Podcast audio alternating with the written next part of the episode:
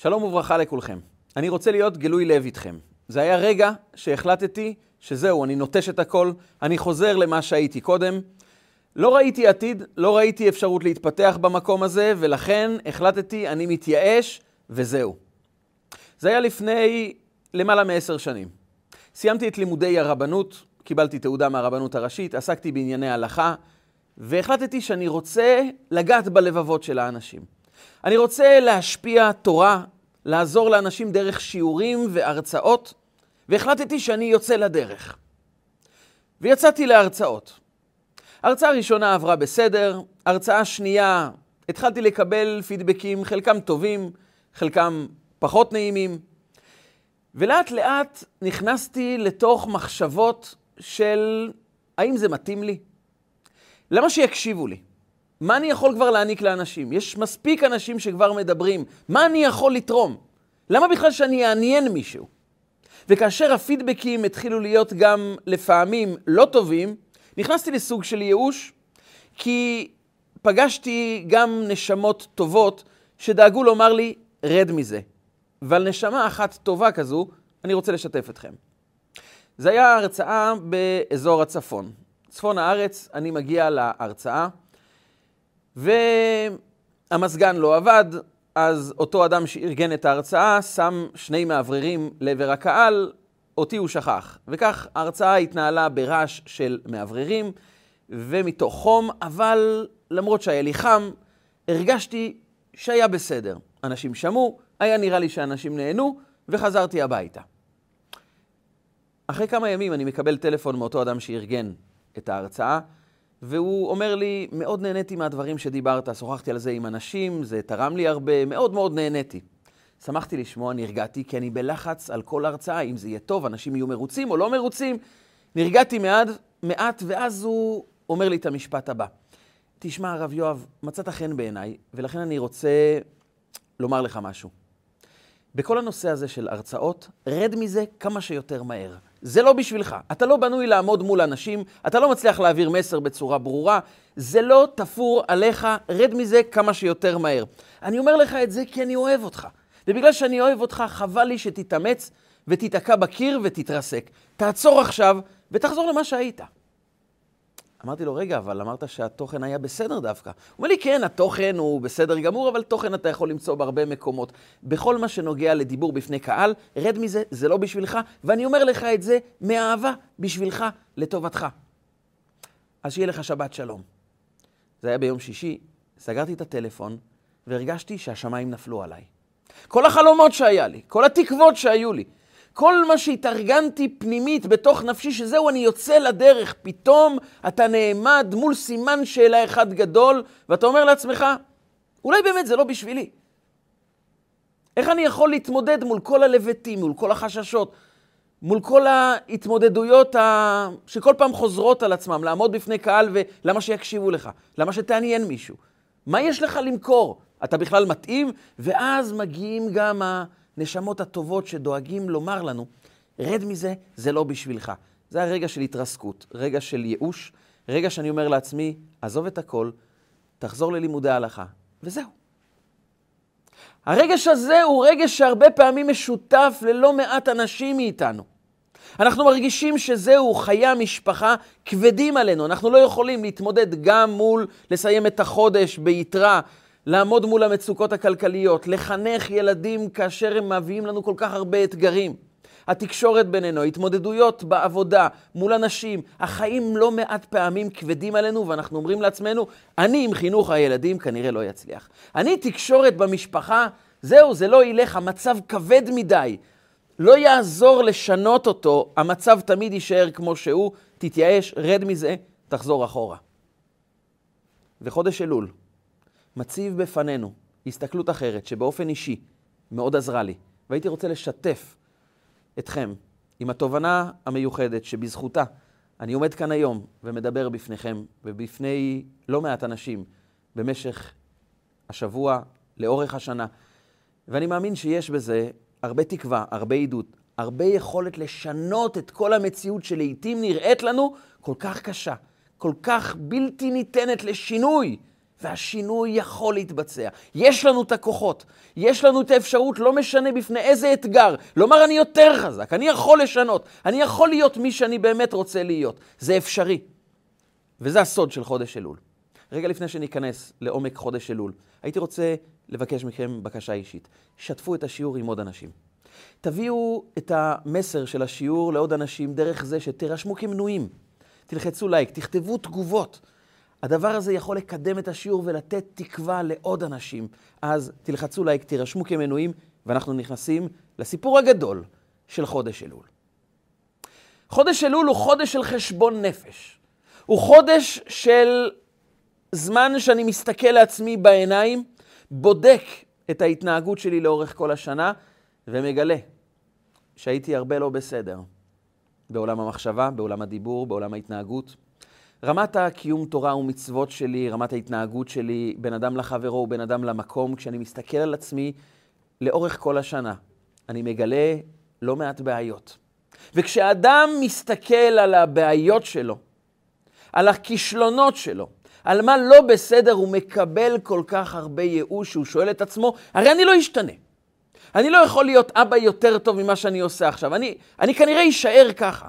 כנראה שמעגל החטא יתפוס אותי בתוכו לאורך כל החיים. אני יכול לשפר מעט, אבל במובן מסוים, לעתים אנחנו פשוט מתייאשים מעצמנו.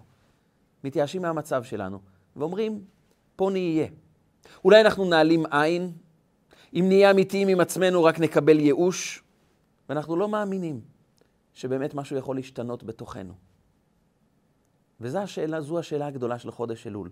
איך אדם יכול לעשות חשבון נפש ולא להתייאש? איך אדם יכול להסתכל בעיניים לעבירות, לנפילות, לכישלונות, במה שהוא באמת לא היה בסדר, ולהיות מספיק אמיתי ולהביט בעיניים של כל הכישלונות שהיו לנו, ולא להפוך לאדם מיואש, אדם מריר, אדם שכועס על עצמו. איך אפשר לעשות תשובה מתוך שמחה? ועוד שאלה.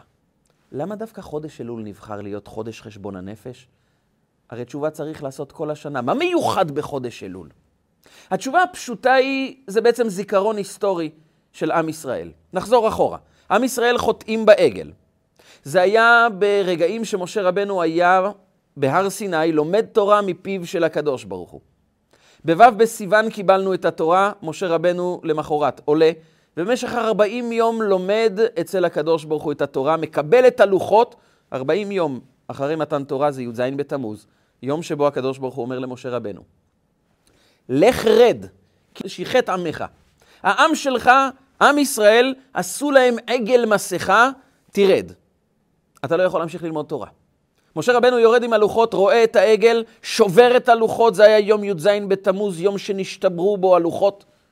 הוא לוקח את העגל, כותת אותו, מפרק אותו, מפורר אותו, מעניש את מי שצריך להעניש, עושה סדר חדש בעם ישראל, והוא מבין שהקדוש ברוך הוא כל כך כועס, שצריך לבקש סליחה. הקדוש ברוך הוא מודיע למשה רבנו, אני רוצה לסיים עם העם הזה, ערף ממני ואשמידם. ומשה רבנו לא מתייאש, עולה יום למחרת, י"ז בתמוז, ובמשך 40 יום מבקש סליחה, עד כ"ט באב. והקדוש ברוך הוא לא מקבל את הסליחה. 40 יום שהקדוש ברוך הוא היה בכעס, משה רבנו יורד ושוב פעם עולה בראש חודש אלול, וכאן הוא מוצא משהו חדש. הקדוש ברוך הוא מקבל אותו בשמחה, בחיוך. משה רבנו אומר, אני הייתי בהר 40 יום האלו כימים הראשונים, כמו שהימים הראשונים אחרי מתן תורה, זה היה בשמחה, זה היה בעונג.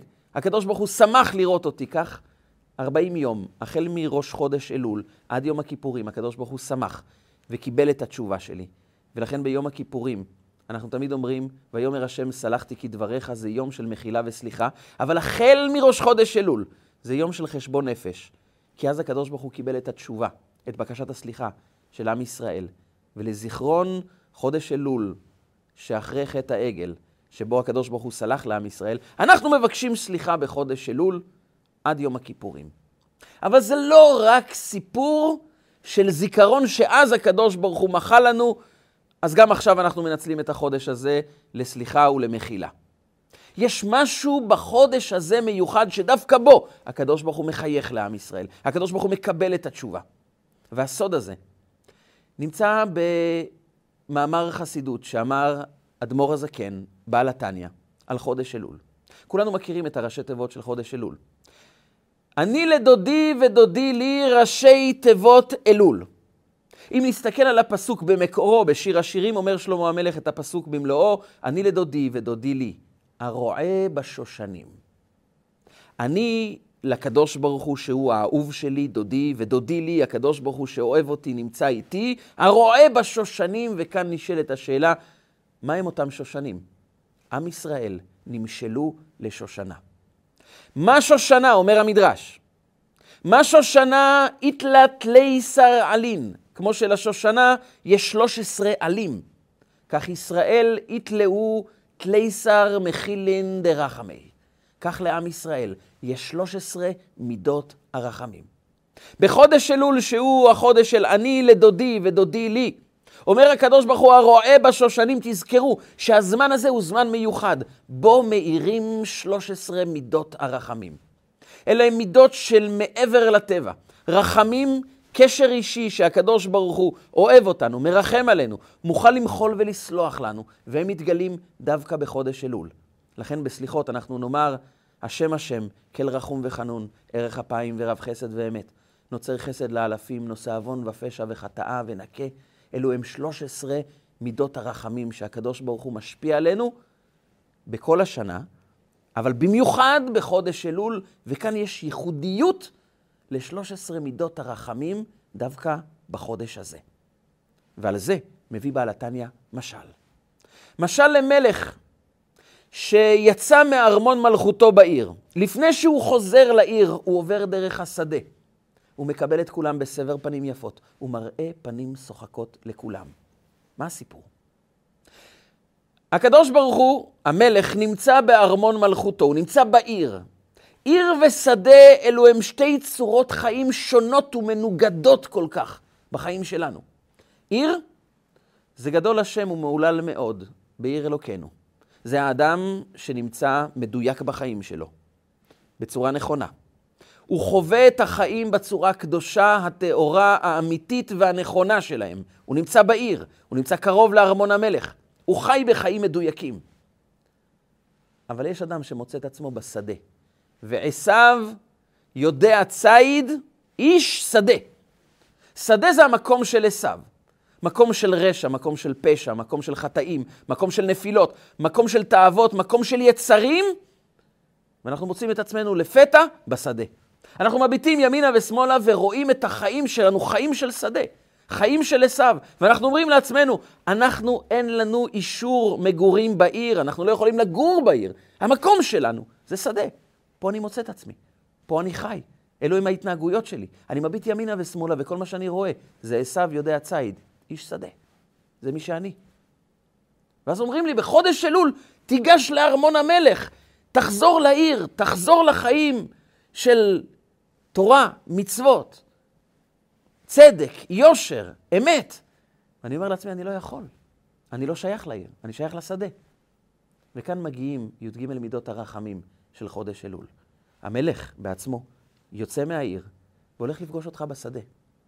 הוא הולך לשדה, הוא הולך למקומות הנמוכים שלנו, למקום של הנפילה, למקום של השדה, שאני מרגיש כל כך מנותק מחיי אמת, מהחיים שאני הייתי כל כך רוצה לחיות אותם.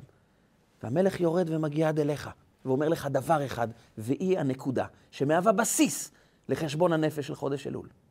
היא השאלה המהותית שבלעדיה אנחנו לא יכולים להתחיל לתקן, לשנות, לשפר, לטהר ולקדש את החיים שלנו. אומר הקדוש ברוך הוא, אני מגיע אליך לשדה, אני רוצה שתדע דבר אחד. אני פה איתך במקום הזה, מחייך אליך, אוהב אותך, רוצה שתגיע אליי, עוד לפני שאתה מתקן, עוד לפני שאתה מתעסק עם מה לא בסדר. אני רוצה שתתחיל עם שאלה אחת. האם אתה יודע שהקדוש ברוך הוא מגיע אליך במקום שבו אתה נמצא? הוא לא רחוק, הוא לא בעיר, הוא אצלך בשדה. הוא נמצא ממש לידך, הוא מחייך אליך. הוא מראה פנים שוחקות ואומר לך רק דבר אחד, גש אליי. אל תתקן עדיין שום דבר. פשוט תיגש, תגיד, אני רוצה להיות איתך. תכריז את ההכרזה הזו. תאמר לעצמך, אני מבין שאני אהוב. אני מבין שיש י"ג מידות הרחמים, לא ברובד שמימי ועליון, כאן בחיים שלי. רק אם תדע שאתה אהוב, רק אם תדע שיש בך אור. רק אם תרגיש שהקדוש ברוך הוא מחייך אליך, אוהב אותך. לא בגלל שאין חטאים, לא בגלל שאין מה לשפר, אלא בגלל שאי אפשר לשנות חושך לפני שאתה מוצא אור.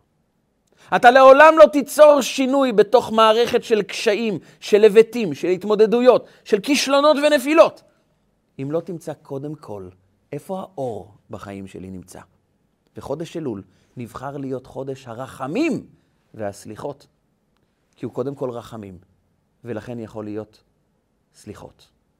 רק מי שיודע קודם כל שהוא אהוב, שיש בתוכו אור, שיש בו נקודת אמת, שהוא אהוב למעלה, ולכן המלך יוצא מארמון מלכותו, ומזיז את עצמו עד לשדה, ולהיות במקום הזה, שהוא לא מקום נעים, אבל הוא רוצה רק להעביר לנו מסר אחד, תדע שאתה אהוב. תדע שיש בך אור, תדע שיש בך כוח, תדע שיש בך כל כך הרבה קדושה, שלכן אני מזיז את עצמי ומגיע עד אליך.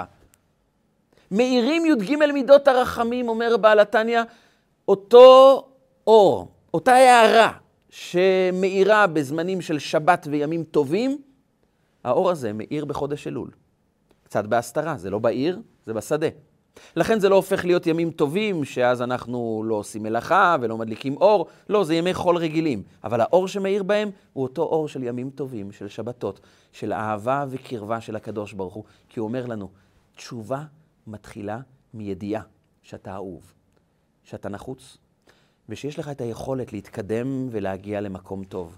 אבל קודם כל תדע, שכמו שמשה רבנו עלה להר סיני בראש חודש אלול, והוא מצא חיוך, הוא מצא אהבה, הוא מצא שמחה, הוא מצא רצון לקירוב, ומכאן התחילה התשובה. ככה אתה תמיד תדע. אל תתחיל לשנות את עצמך דרך התבוססות בחושך, בכאב, בכמה רע, בכמה נפלתי, בכמה נכשלתי, כמה אנשים אמרו לי לא טוב. תמיד תדע שיש נקודה טובה, נקודה מהירה, נקודת הצלחה, נקודת קדושה, שקיימת בך. רק אם תתרכז בה, מתוכה תוכל להתחיל להפוך ולשנות את הכל. כשאדם חווה קשיים, התמודדויות, נפילות, ייאוש שמקיף אותו, הוא חייב לעצור רגע ולשאול, מה כן מצליח לי? ואדם יאמר לעצמו, שום דבר. לא הולך לי בכלום. זה לא נכון. זה רק שאלה של מיקוד. תשאל את עצמך את השאלה הבאה. איזה מעשה עשיתי בחיים שלי שאני יכול להיות גאה בו? אבל אסור להתגאות. וגבה ליבו, ליבו בדרכי השם. זו לא גאווה שמביאה אותנו לזלזל באנשים, אלא סוג של שאלה שאמורה למקד אותנו במהם התכונות הטובות שכן קיימות בנו. על מה אתה יכול להיות גאה שעשית בחיים שלך? יש מעשה טוב שעשית? הייתה לך הצלחה מסוימת? כאן תתחיל, ותשאל את עצמך, מהי התכונה שהשתמשתי בה, שקיימת בי, שהובילה אותי למעשה הטוב הזה? אין אדם שאין בו מעשים טובים, שאין בו דברים שמלאים בכישרון. אין אדם שלא חווה חוויית הצלחה, אולי אנחנו מתעלמים בה. אם קשה לנו לענות על השאלה הזו, זה רק מראה עד כמה לא התמקדנו בדברים הטובים שעשינו. ואם קשה לנו, אפשר להתייעץ עם אנשים אחרים. אבל יש בנו גם נקודות הצלחה. תתמקד בזה ותשאל את עצמך, מהי התכונה שהאירה בי בזמנים האלו? לא תשנה שום דבר אם לא תתחיל עם נקודת אור. גם כשאדם חווה קושי, יש בזה נקודת אור. אם הקדוש ברוך הוא נתן לנו את הילדים שלנו, ואנחנו מרגישים הרבה פעמים נקיפות מצפון, רגשות אשמה, אנחנו לא מספיק הורים טובים, לא מספיק מעניקים, לא יודעים לחנך כמו שצריך. רגע, לפני זה, הקדוש ברוך הוא נתן לך את הילדים האלו? כי הוא מאמין שלך יש את הכוחות. תשאל את עצמך, איזה כוחות כן קיימים בי? יש בי רצון? יש בי מחשבה, יש בי השתוקקות, אלו הם הדברים הטובים, אני צריך לפרגן לעצמי, להחמיא לעצמי, להעריך את עצמי על העובדה שזה אכפת לי, שאני חושב, שאני מעניק ערך לזה. זה בעצמו ההוכחה שהקדוש ברוך הוא שם לי את הילדים אצלי, כי הוא יודע שיש לי את הכוחות. גם כשאדם חלילה מסוכסך עם חברים, עם בני משפחה, כאשר אנחנו גם רבים, יש בזה נקודה טובה. אנחנו מבקשים להיות קרובים. אנחנו מבקשים לשפר את הדבר. אולי אנחנו לא יודעים לנהל את המריבה נכון והיא מידרדרת למקומות לא טובים, אבל תחילת המריבה היא הייתה בגלל שאני רוצה קרבה. אכפת לי. כשלא אכפת לי מבן אדם, אני לא רב איתו, אני פשוט הולך. אבל גם כשרבנו, זה בגלל שיש לנו קשר מסוים בינינו. גם כשילד מרגיש הרבה הרבה מכשולים, הרבה קשיים בחיים שלו, התפקיד שלנו כהורים זה תחבר אותו לחוויות הצלחה. מתי הייתה לו חוויית הצלחה? תשב איתו, תדבר איתו על הדבר הזה. תגלה לו את התכונות המיוחדות שהיו בו כאשר הוא כן חווה חוויות הצלחה. חושך לא מגרשים במקלות, מגרשים באור, ואור זה קודם כל תתחבר לנקודות הטובות שכן קיימות. המיקוד שלנו תמיד יהיה באם אמרו לי הערות לא טובות. אם נכשלתי ונפלתי, כנראה שזה לא בשבילי, אני לא יכול ואני מתייאש. תעצור כאן ותשאל את עצמך, מה כן מצליח אצלי? מה כן טוב ועובד בחיים שלי? ואז אנחנו נגלה שלא מעט פעמים קיבלנו כן מחמאות על דברים טובים שבנו. עוד לפני מה אנשים אומרים, אתה יודע בעצמך שיש בך תכונות טובות. תתנתק ממה קורה בחוץ ותתחבר. אתה יודע שכן יש לך כישרון, שכן יש לך יכולת, שכן יש לך אפשרות לגלות משהו שעדיין לא הוצאת את זה, אבל אתה יודע שזה קיים בך. תתחבר לזה. וכשאדם מתחבר לנקודה של אור, דברים מתחילים להשתנות בחיים. כי שינוי לא הולך מהתבוססות בחושך. שינוי נוצר מהתבוססות בטוב, בכישרון, באור. חודש אלול נבחר להיות חודש הרחמים והסליחות, כי זה חודש שבו מאירים י"ג מידות הרחמים. חודש שבו הקדוש ברוך הוא מחייך אליך. חודש שבו הקדוש ברוך הוא אומר, אתה כל כך שווה בעיניי, שאני עוזב את הארמון ומגיע אליך לשדה. ורק אם תדע שיש לך יכולת, מפה הכל יכול להשתנות. אדם שניגש מול התמודדות, אם הוא משוכנע פנימית, אני מסוגל להתמודד, יש לי את המסוגלות הזו. לא משנה כמה זה יהיה קשה, אתה תצליח, כי אתה יודע פנימית שיש לך את היכולת. וידיעת היכולת קשורה בקשר הדוק עם העובדה שאנחנו מתמקדים בנקודות ההצלחה שבנו. במה כן עובד אצלנו, מהם הכישרונות שמסתתרים. מתי כן אמרו לך דברים טובים? מתי אתה כן הצלחת ותשאל את עצמך מה היה שם שהצליח? ובכל דבר בחיים, בכל אירוע, בכל רגע, תמיד יש את הנקודות הטובות והנקודות הפחות טובות. והשאלה היא, במה אתה בוחר להתמקד? כאן הייתי רוצה לשתף אתכם בסיפור ממסכת תענית, סיפורו של רבי יצחק בר אלישיב. מספרת הגמרא שיום אחד ישב רבי מני, אחד מגדולי תלמידיו של רבי יצחק בר אלישיב, והיה עצוב. וראה אותו רבו, רבי יצחק בר אלישיב, ושאל אותו, למה אתה עצוב? אני רואה שאתה לא יכול ללמוד, מה מעציב אותך? הוא אמר לו, אני אגיד לך, רבי, הגיסים שלי לא מפסיקים לצער אותי, להשפיל אותי. אני מרגיש בזוי ולא שווה. אמר לו, מה הם עשו לך? הוא אומר, תראה, הם עשירים גדולים. וכשאני מגיע הביתה, הם כולם מחצינים את האושר שלהם, את היכולות שלהם, את המעמד שלהם, ואני אדם פשוט, ולידם אני מרגיש מושפל, מרגיש לא טוב. והם גם דואגים להראות שהם הרבה יותר טובים ממני. אתה יכול לחיות במשפחה כזו? אתה יכול להתמודד יום-יום בתוך משפחה שכולם מוצלחים, עשירים, בעלי יכולת, ואתה אדם רגיל פשוט? קשה לי ההתמודדות הזו, ולכן אני עצוב. אמר לו רבו, אל תדאג, מה הבעיה? איך קוראים להם? מהיום הם עניים. זהו, תחזור הביתה, הם עניים. הלכה הבעיה, שב תלמד. באמת, הוא חזר שמח וטוב לב, אף אחד לא מתנשא מעליו, אף אחד לא מתגאה, אף אחד לא משפיל אותו. אבל אחרי שבוע הוא חוזר, שוב פעם עצוב. שואל אותו רבו, למה אתה עצוב עכשיו? הוא אומר, כי נכון שהם הפכו להיות עניים, אבל יש בעיה חדשה. עכשיו הם לא מפסיקים להציק לי, תתרום לנו, תעניק לנו, תעזור לנו, חמי וחמותי שואלים אותי, למה אתה לא עוזר? למה אתה לא מסייע? למה אתה קמצן? והם כל הזמן מטרידים אותי בעזרה, אין לי יום ואין לי לילה. כבר מקודם היה יותר טוב. הם היו עשירים, קצת מתנסים, אבל הייתי שקט, היה לי את החיים שלי. עכשיו אין לי יום ואין לי לילה. אומר לו רבו, אל תדאג, נחזיר את המצב כמו שהיה קודם, והפך אותם בחזרה לעשירים על ידי ברכה.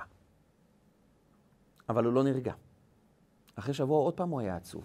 שאל אותו רבו, מה אתה עצוב עכשיו? הוא אומר לו, אני אגיד לך את האמת, רבי, אשתי כעורה בעיניי, והכיעור שלה גורם לי להרבה הרבה קושי, אני לא יכול להמשיך ככה.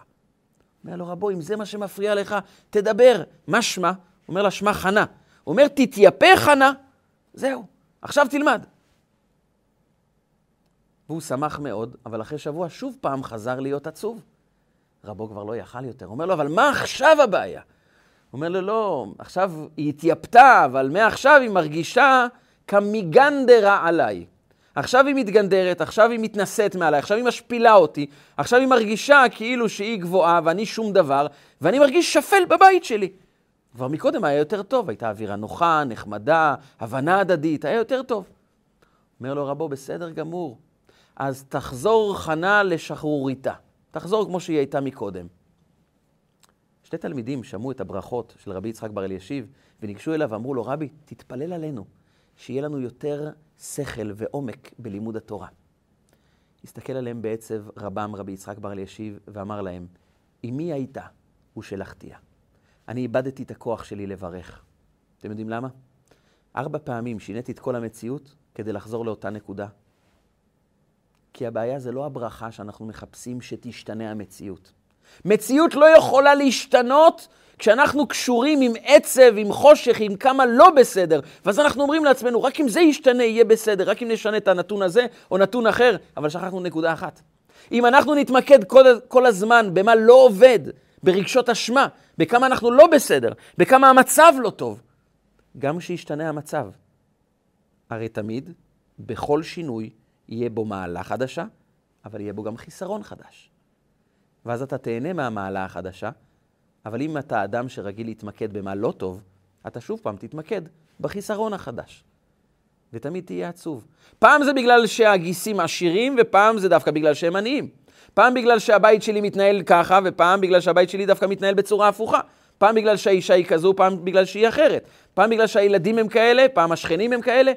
כל פעם, אם לא נשנה את נקודת היציאה שלנו לעולם, תמיד נתמקד בחיסרון, ושום דבר לא ייפתר, שום דבר לא יהפוך להיות טוב יותר. לא משנה כמה ניסים יתרחשו לנו. הניסים לא יכולים לשפר את נקודת המיקוד שלנו, במה אנחנו עסוקים ומאיפה אנחנו יוצאים לחיים שלנו. ולכן, בא חודש אלול ואומר, תתעסק עם הדבר הראשון. עוד לפני שאתה מתקן את עצמך, תזכור, המלך בשדה. המלך מחכה לך, מחייך אליך, מקבל אותך בסבר פנים יפות. תפנה אליו ותכריז, מלך, אני רוצה להיות לידך, אני רוצה להיות איתך. אומר להם רבי יצחק בר אלישיב לתלמידים, הברכות שלי לא באמת משנות את המציאות, עד שאדם לא ישנה את עצמו. ודווקא אם אדם יעריך את המקום שבו הוא נמצא, יגיד, יש פה דברים טובים, רק תתמקד, תחפש את הדברים הטובים. תחפש את נקודות ההצלחה שלך, את חוויות ההצלחה. תעניק את זה גם לילדים, למשפחה מסביבך. זה באמת ירומם אותך ויביא אותך לאור, ומכאן תוכל להתחיל להשתנות. זה מה שחשבתי לעצמי באותם רגעים, כששמעתי את המסר הזה מאותו אדם שהזמין אותי להרצאה ואמר לי, רד מזה, זה לא בשבילך, אתה לא בנוי לזה. חבל שתתרסק לקיר ולא יצא ממך שום דבר בסופו של דבר. אבל הרגשתי שכן יש בתוכי דבר טוב. נזכרתי שכן אנשים אמרו לי דברים טובים. נזכרתי שהיו זמנים שכן זה הצליח. מה היה שם? אולי האירוע הזה הוא כדי לכוון אותי יותר להתמקד במקומות האלה? התמקדתי במקומות האלו. הבנתי שאני צריך לפתח את האמון שלי בחוויות ההצלחה שלי, בריכוז שלי, בדברים הטובים שכן קיימים. וזה הפך להיות נכס לכל החיים. התמקדתי בזה והמשכתי הלאה. לא שלא היו בעיות, לא שלא היו התמודדויות, אבל המשכתי הלאה. ולאט לאט זה התפתח. ואני רוצה לשתף אתכם עם המשכו של הסיפור. חלפו שנים, המשכתי עם הרצאות. ברוך השם, היו כמה וכמה הצלחות טובות מאוד, שגרמו לקידום השיעורים גם ברחבי הארץ, גם בעולם וגם במדיה. והתקדמתי והמשכתי, ויום אחד אני מקבל טלפון, מישהו רוצה להזמין אותי להרצאה. הוא אמר, זה משהו משפחתי, מאוד מאוד גדול, אנחנו שוכרים אולם מאוד מאוד גדול, והיינו מאוד שמחים שתבוא לתת את ההרצאה המרכזית. ביררתי במי מדובר, ולהפתעתי הגדולה, אולי לחרדתי הגדולה, מדובר בבן משפחה של אותו אדם ששנים קודם לכן אמר לי, רד מהסיפור של ההרצאות. ואמרתי לעצמי, זה לא נעים להגיע למקום, ישמעו במשפחה, הוא בטח יגיד להם, עשיתם טעות להזמין אותו. הרגשתי מאוד לא נעים, אמרתי לו, תקשיב, תתייעץ עם המשפחה הקרובה ותראה האם מתאים שאני אבוא. אמר לי, למה לא? אני בחרתי בך, אני שמעתי אותך ואני רוצה שתבוא. אמרתי, תתייעץ, תחזור אליי. הוא חזר אליי ואמר לי, דיברתי עם כולם, שמחים שתבוא. בסדר. אני מגיע וחושש מאוד לפגוש את אותו אדם ששנים קודם לכן אמר לי, זה לא בשבילך, אתה לא בנוי לזה. והתפללתי שלא יצא לי פגישה איתו, גם כך יש המון המון אנשים, שאני לא אפגוש אותו כי באמת לא נעים. אבל אתם יודעים, כשמתפללים לא לפגוש מישהו, הראשון שפוגשים זה אותו אדם. אני נכנס בכניסה לעולם ורואה אותו מולי. זה היה רגע לא נעים, אבל הוא ניגש אליי בחיוך, חיבק אותי ואמר לי, הרב יואב, אתה יודע, מההתחלה ידעתי שאתה תצליח. עמדתי בהלם מולו, ואז הבנתי דבר מאוד עמוק. גם כשאתה נופל, אתה באמצע חוויית הצלחה. גם כשאתה מרגיש שהכל מתרסק, זה אבן פינה בבניין של ההצלחה, בבניין של היכולת שלך להתמקד יותר בטוב מאשר בכישלון. האירועים הלא טובים רק באים לקבע בתוכנו את השאלה, האם אני ממוקד במה לא טוב, או מבין שתמיד יש לי טוב. שאלת ההצלחה היא שאלת עד כמה אתה מאמין בעצמך, עד כמה אתה יודע שיש בך טוב. להתמקד ברגשות אשמה וכמה אני לא בסדר, ולהיות מלא בייסורי מצפון אולי נותן לנו תחושה שאנחנו אנשים טובים. זה לא מקדם אותנו לשום מקום.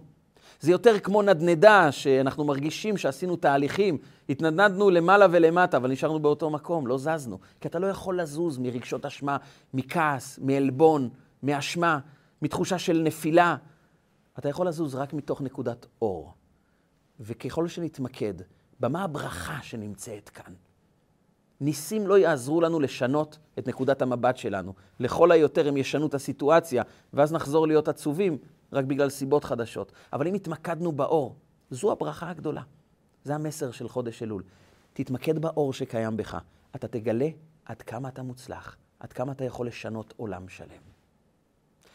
היה שליח של הרבי מלובביץ' בשם הרב משה יצחק הכט. הוא היה שליח עוד של הרבי הקודם מלובביץ', והקים מוסדות, עשה פעולות מאוד מאוד גדולות. בשנות ה-70 הוא נשלח על ידי הרבי מלובביץ' לעיירה ניו ג'רזי. והוא התחיל לפעול שם, והוא נתקל בבעיות שהוא לא הכיר עד היום. בעיות כספיות, התמודדות עם אנשים שונים, התמודדויות עם מאבקים. הוא הרגיש שזה כבר גדול עליו, הוא לא מסוגל. ברגע של ייאוש מאוד מאוד עמוק, הוא כתב את המכתב הבא לרבי מלובביץ'. רבי, ניסיתי הכל, אין לי כוחות. ההתמודדויות גדולות עליי. אנא, תשלח מישהו שיוכל להתמודד טוב עם הקשיים האלו. אני אעזור לו מה שאני יכול, אבל אני לא מתאים. ולכן חותם את המכתב הרב משה יצחק הכט במילים, רבי תשלח מישהו חדש שיוכל לעשות את העבודה טוב ממני. והתשובה שהרבי ענה לו היא התשובה הבאה. טרם יקראו ואני אענה. תראה מה זה. עוד לפני שביקשת, כבר עשיתי את מה שהצעת. ושלחתי לשם מישהו בשם משה יצחק הכט. הרבי נוקב בשם שלו. וחבל שאינו מכירו. חבל שאתה לא מכיר את עצמך. ותקוותי שמכאן ואילך יכיר את עצמו, ידע את הכוחות שיש בו, ידע את המעלות שיש בו, ידע את האור שקיים בתוכו, ומכאן יחווה תקווה, שמחה והצלחה בכל פעולותיו. בזה נחתם המכתב, והשינוי קרה מיד. הוא פתאום הבין, שלחו אותך לפה כי יש לך את הכוחות. אתה נבחרת להיות האבא של הילדים שלך, נבחרתם להיות ההורים של הילדים שלכם, זה בגלל שיש לכם את כל הכוחות והיכולות להצליח. אל תתמקדו במה לא עובד, במה נכשלנו, בכמה נפלנו, בכמה יש קושי. תתמקדו בעובדה שניתנו לכם הכוחות והיכולות, ותבדקו איפה כן הצלחנו, איפה אנחנו כן טובים, איזה ברכה כן נמצאת כאן. וזה נכון לכל תחום בחיים. באופן אישי, החודש אלול שלי הביא אותי לדבר בפניכם והחודש אלול הזה נותן לכל אחד מאיתנו את היכולת להתמקד באור שכן קיים, ומתוך אור החושך נעלם. ואם נמצא את האור שבתוכנו, נהיה אנשים שמוצאים אור באנשים סביבנו.